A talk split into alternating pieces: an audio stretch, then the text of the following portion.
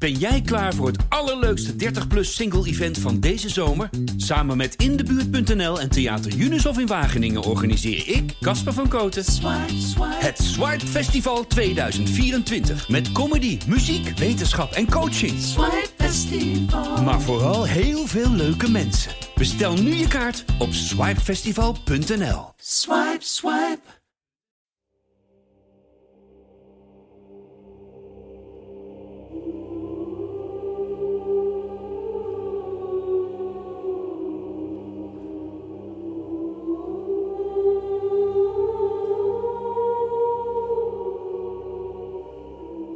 Hallo en leuk dat je luistert naar een nieuwe aflevering van de filmmuziek special van Movie Insiders.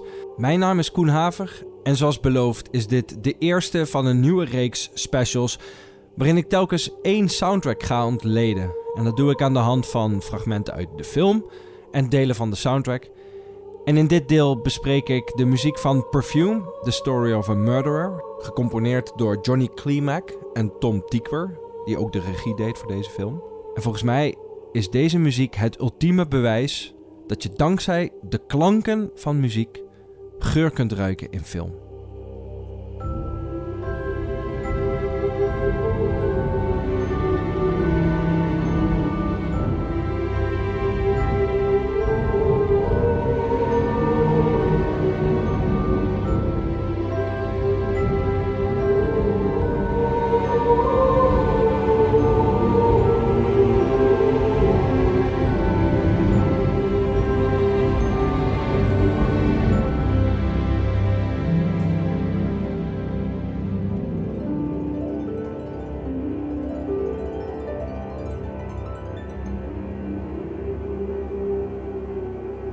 Voordat we dieper in de muziek gaan duiken en er uitvoerig naar gaan luisteren, een korte samenvatting van deze film, want hij stamt alweer uit 2006.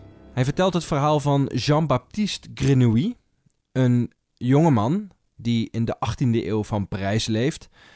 En hij heeft een hele bijzondere gave. Hij heeft een extreem goed reukvermogen. En zelf heeft hij overigens geen lichaamsgeur, dus hij kan ongemerkt heel dichtbij mensen komen. En deze Jean-Baptiste heeft een ziekelijke obsessie voor geur. En hij heeft ook de gave daardoor om geuren met elkaar te combineren, waardoor hij bijvoorbeeld zeer bijzondere parfums kan maken.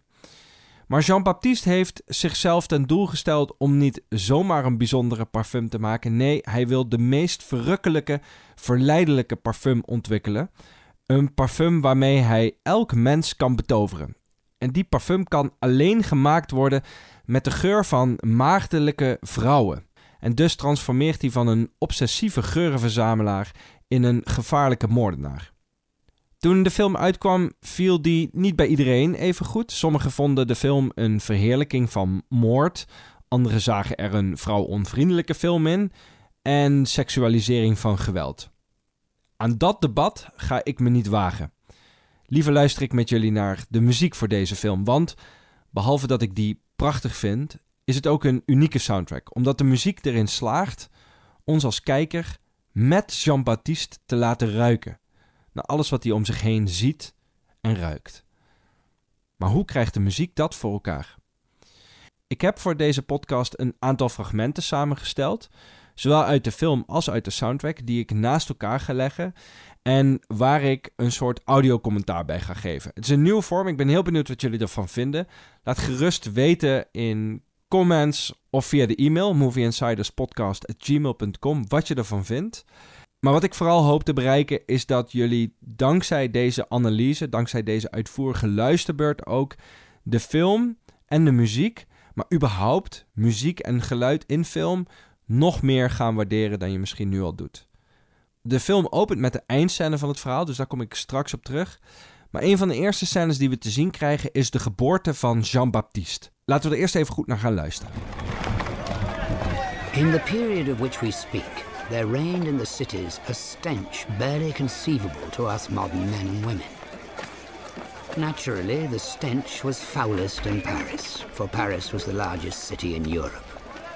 And nowhere in Paris was that stench more profoundly repugnant than in the city's fish market. We horen de prachtige stem van de helaas overleden John Hurt vertellen over de geur die we kunnen ruiken op de vismarkt in Parijs. Die moet verschrikkelijk zijn. En ondertussen zien we de gorigheid van die markt in beeld gevangen. We zien vissen, we zien vieze mensen en we zien allerlei eten bereid worden. En er is geen muziek. De geluiden die we horen zijn natuurlijke geluiden die van zo'n markt afkomstig zijn. Mensen die praten, uh, bakken die neergezet worden, vis die op een tafel gegooid wordt. En dan wordt de moeder van Jean-Baptiste geïntroduceerd. En op het moment dat zij begint met bevallen, horen we voor de eerste keer muziek. Een hele lage klank. Een soort van grondtoon. En dat maakt meteen dat we ons beseffen, onbewust, dit is een klank die gaat horen bij het personage van Jean-Baptiste. It was here then, on the most putrid spot in the whole kingdom, that Jean-Baptiste Grenouille was born on the 17th of July, 1738.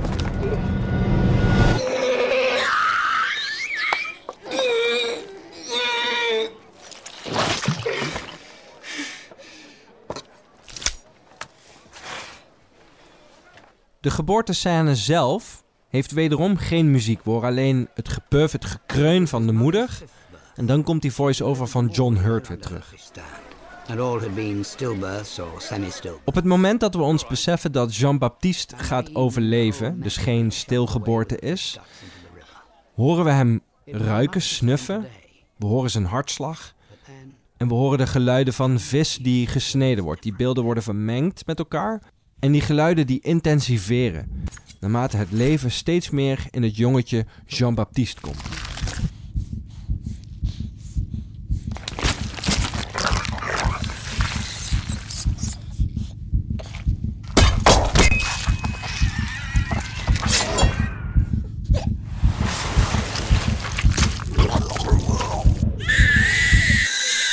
Even later wordt Jean-Baptiste's moeder opgehangen en wordt hij naar een weeshuis gebracht, waar hij komt te slapen in een verzamelkamer met allemaal jonge kinderen. En die kinderen besluiten hem, omdat ze voelen dat hij anders is dan zij, hem te vermoorden. En dan doet de muziek iets bijzonders. We horen voor de eerste keer sinds dat hij in het geboorteproces terecht is gekomen, en geen lage toon, maar een hele hoge. Met een percussielijn eronder die een soort van interpretatie is van een hartslag. De hartslag die we eerder hoorden toen de jongen, de kleine baby Jean-Baptiste aan het ademen was. En dit thema, dit hoge strijkersthema, dat gaat het thema worden voor de dood. Wat we straks ook horen als hij voor de eerste keer een moord pleegt.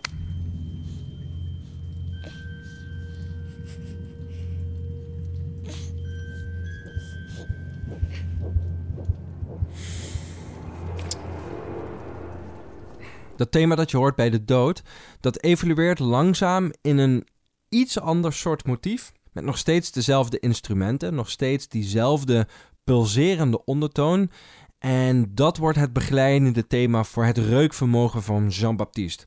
Je hoort het hier heel kort eventjes.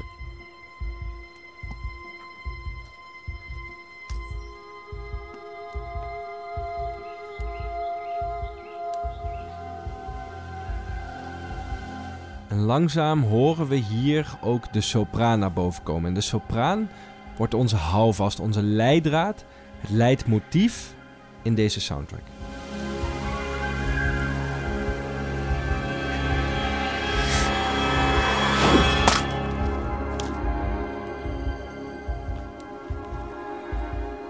It was not that the other children hated him. They felt unnerved by him.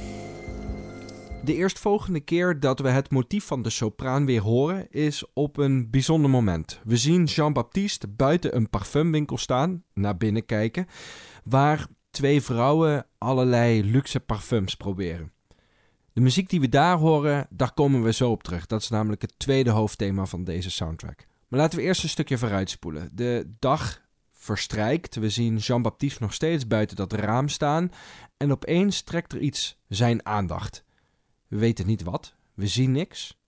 We horen alleen de sopraan weer terugkomen. En we weten van net dat dit het thema van het ruiken is. Dus we weten dat er iets is dat Jean-Baptiste ruikt. Misschien nog wel voordat hij het zichzelf bewust is. Hoe we dat weten, we horen de sopraan vervormd. Het is nog geen mooi klinkende vrouw. Het is een stem die weggedrukt is. Dus het zit in het hoofd van Jean-Baptiste, maar hij heeft het nog niet als zodanig geregistreerd. En op het moment dat hij dat wel doet, gaat hij op zoektocht. Hij gaat uitzoeken waar die geur vandaan komt. Al het geluid dat van de straat komt, wordt weggedraaid, behalve de voetstappen van Jean-Baptiste en de voetstappen van een vrouw, een, een, nou, een figuur die hij ziet. En zij draagt in haar linkerhand een mand, een rieten mand. En dat riet maakt ook geluid. In dat riet zit geel citrusfruit. En we horen die sopraan, die langzaam evolueert met orkest tot het eerste thema van deze soundtrack, het reukthema.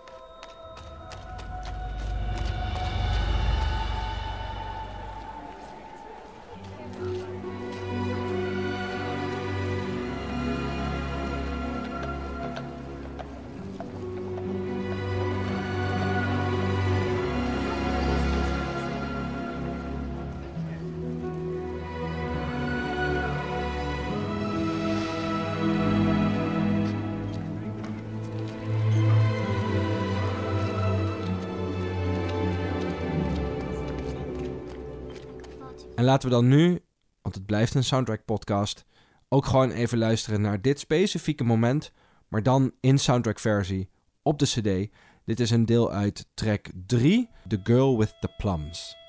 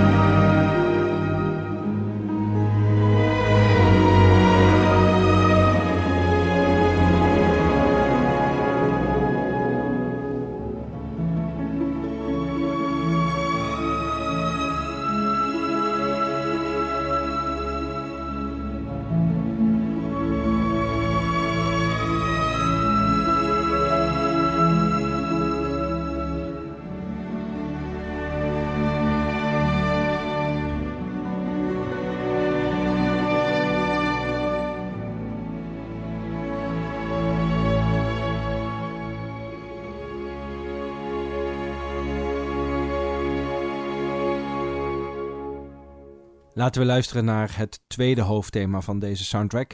Dat past bij alle scènes of de momenten dat Jean-Baptiste parfum maakt.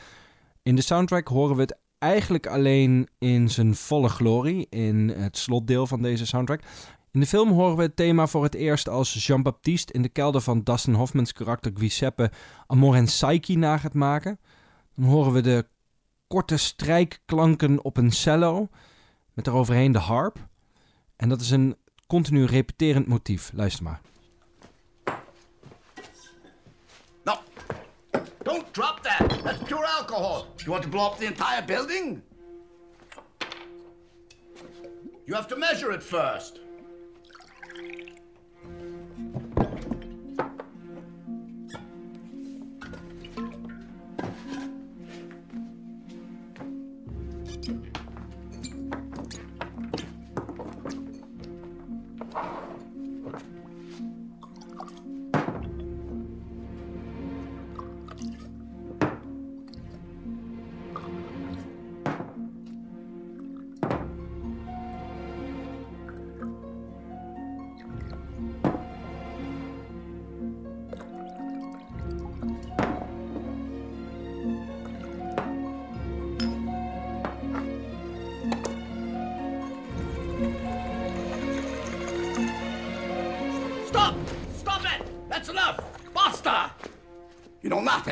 Op de soundtrack zelf hoor je dit thema terugkomen in bijvoorbeeld de track Awaiting Execution. En dat geeft ook meteen aan dat eh, Tom Tykwer en zijn co-componisten wilden dat het parfum maken ook symbool komt te staan voor de opkomst en ondergang van Jean-Baptiste. Want je hoort de hoge klanken van een blazer als de lage, lang uitgerekte strijkersklanken. En dat lijkt een soort van gevecht te zijn dat ons nog geen eindbestemming geeft als luisteraar over het lot van Jean-Baptiste's personage.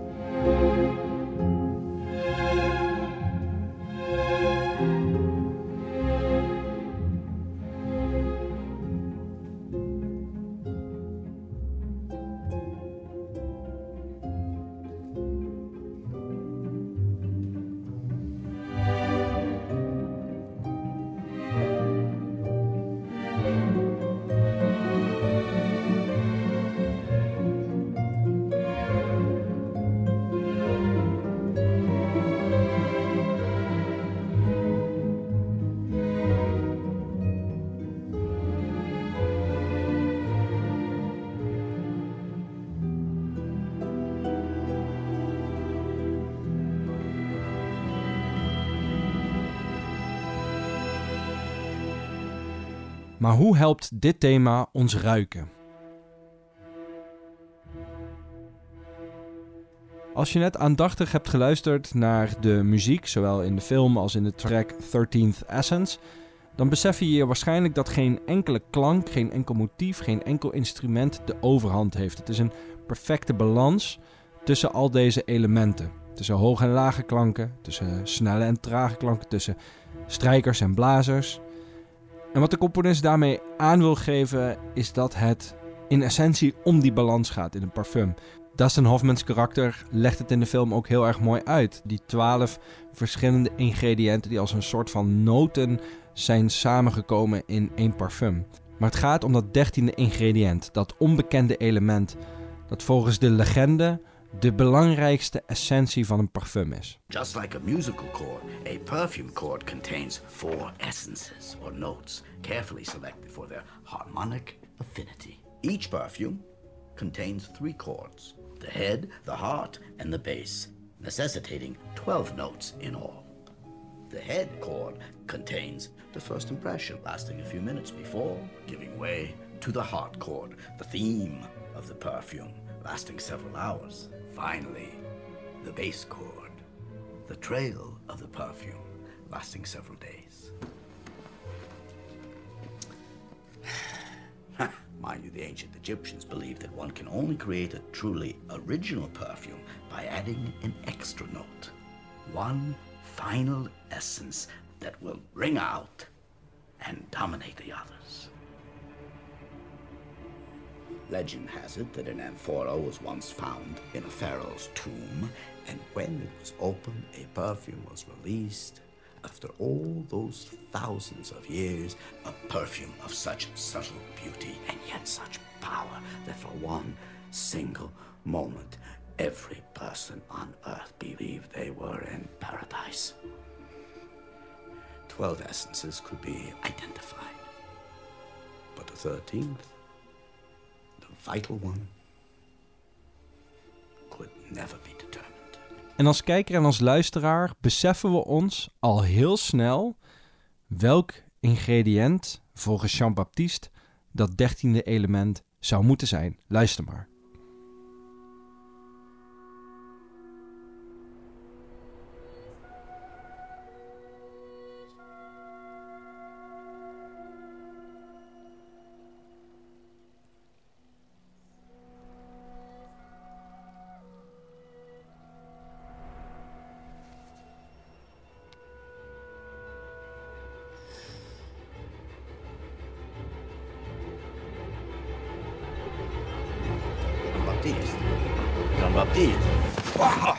Ja, we hier die sopraan weer terugkomen. We zien in flashbacks Jean-Baptiste die dat eerste meisje vermoordt. En we beseffen ons dat lichaamsgeur het belangrijkste ingrediënt gaat worden voor Jean-Baptiste.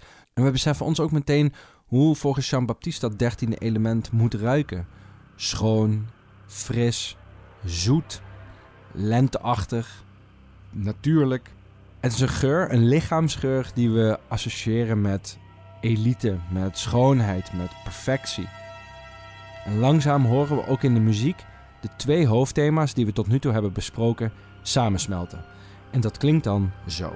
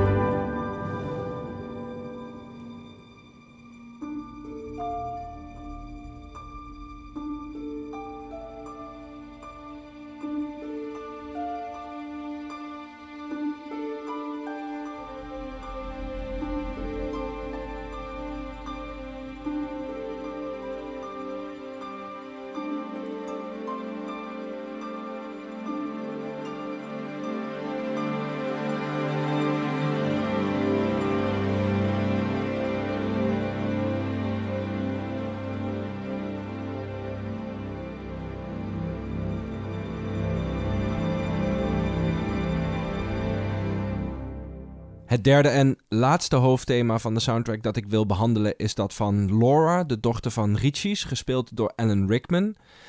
En met haar rode haar en lichte huid heeft ze wel wat weg van dat eerste meisje dat Jean-Baptiste vermoordde. Maar ze is ook anders. Want in zijn ogen is ze nog perfecter, een volmaakte schoonheid. En hoe we dat weten? Omdat de muziek teruggrijpt naar het eerste hoofdthema, dat volledig evolueert. En dat combineert met de ruiksensatie van Jean-Baptiste.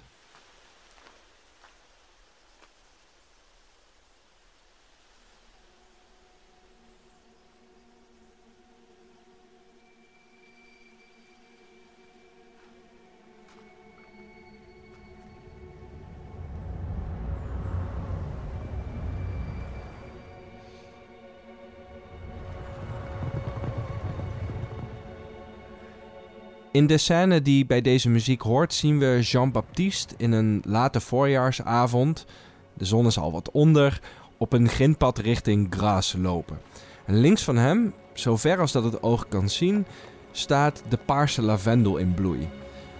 En waar we bij dat eerste meisje de sopraan woordeloos horen zingen, zingt ze hier een lied. Een Italiaans gedicht met, als je de betekenis van het gedicht opzoekt, best wel een macabere ondertoon.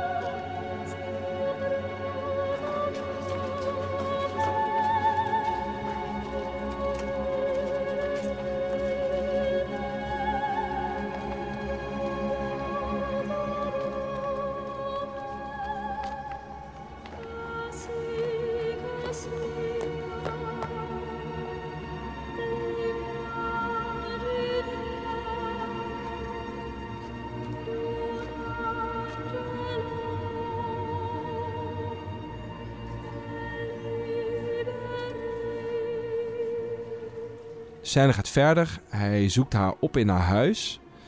Scène duurt bijna 3,5 minuten. Er wordt niets in gezegd. We horen alleen maar muziek en we zien de beelden. En was dit een horrorfilm geweest, dan had je veel dissonantere klanken gehad, zoals krassende violen. Om de angst aan te wakkeren bij jou als kijker. Hier niet. Hier hoor je perfectie. Zelfs als Laura vermoord wordt en later gevonden door haar vader, horen we geen angstaanjagende klanken. Wat we wel horen is een soort romantische droefenis. Melancholie wellicht. Als Laura vermoord wordt, kijkt ze zelfs vol berusting naar haar moordenaar. Haar vader is verdrietig, maar niet compleet overstuur. En als de vader Jean-Baptiste op het schavot confronteert met zijn daden, dan valt hij zelfs op zijn knieën. Jean-Baptiste offerde zijn slachtoffers voor het grotere doel. De perfecte reuksensatie. Dat is wat we dan echt definitief weten.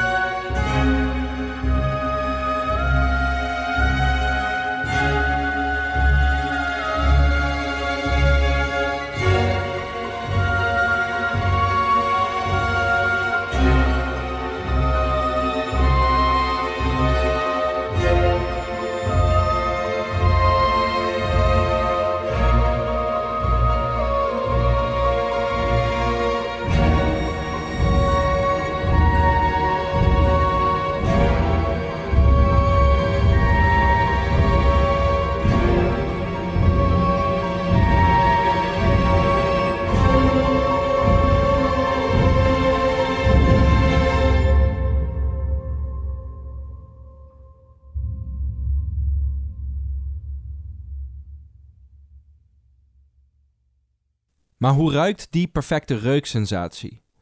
Aan het einde van de film zien we het toegestroomde publiek zich overgeven aan gevoelens van lust, liefde, begeerte. En dan ontstaat die massale orgie die je je misschien nog wel herinnert als je de film gezien hebt. En al het geluid in de film wordt weggedraaid. En de sopraan blijft, de sopraan die we ondertussen kennen van zowel het eerste hoofdthema als het thema van Laura. Alleen hier wordt hij aangevuld met bassen. En de geur waar men zich aan overgeeft, dat moet wel perfecte schoonheid zijn, zoals Laura zelf.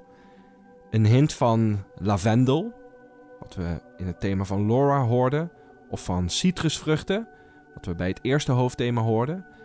En het dertiende element is dat van maagdelijke schoonheid, puurheid. En die bassen die in de onderlaag zitten, die geven dat thema een sacrale ondertoon, waarmee we dus ook weten dat wat we ruiken iets heiligs moet zijn. Of is het een duivelselement? De gevallen aartsengel Lucifer, iets wat zo puur en perfect was, kan alleen maar corrumperen. Dat zien we voor onze ogen gebeuren in de film. Tot kwaad leiden. De componisten vervlechten in ieder geval de thema's van parfum maken, de schoonheid van Laura en het eerste hoofdthema dat gekoppeld is aan ruiksensatie tot één geheel, een nieuw motief met een dualistisch karakter.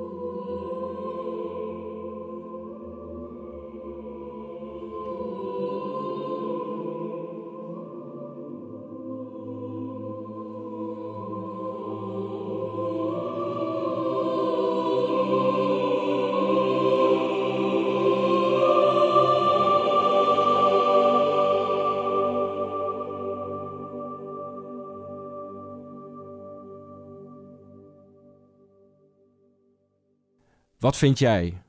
Denk je dat dit een geur was van pure perfectie of toch van verkapte kwaadaardigheid? Laat het ons weten via de socials, Instagram, Facebook, daar zijn we te vinden. Of stuur ons een mail naar movieinsiderspodcast.gmail.com.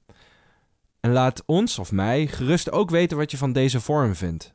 Wil je nog meer uitvoerige besprekingen van soundtracks? Of toch liever een verzameling van verschillende scores? Ik sluit af met de track Perfume Distilled, mijn persoonlijke favoriet van deze soundtrack. Een soort van suite van de eerste twee hoofdthema's die we in deze aflevering hebben behandeld. En die je niet in deze vorm in zijn geheel terug hoort in de film. Geniet ervan en tot de volgende keer.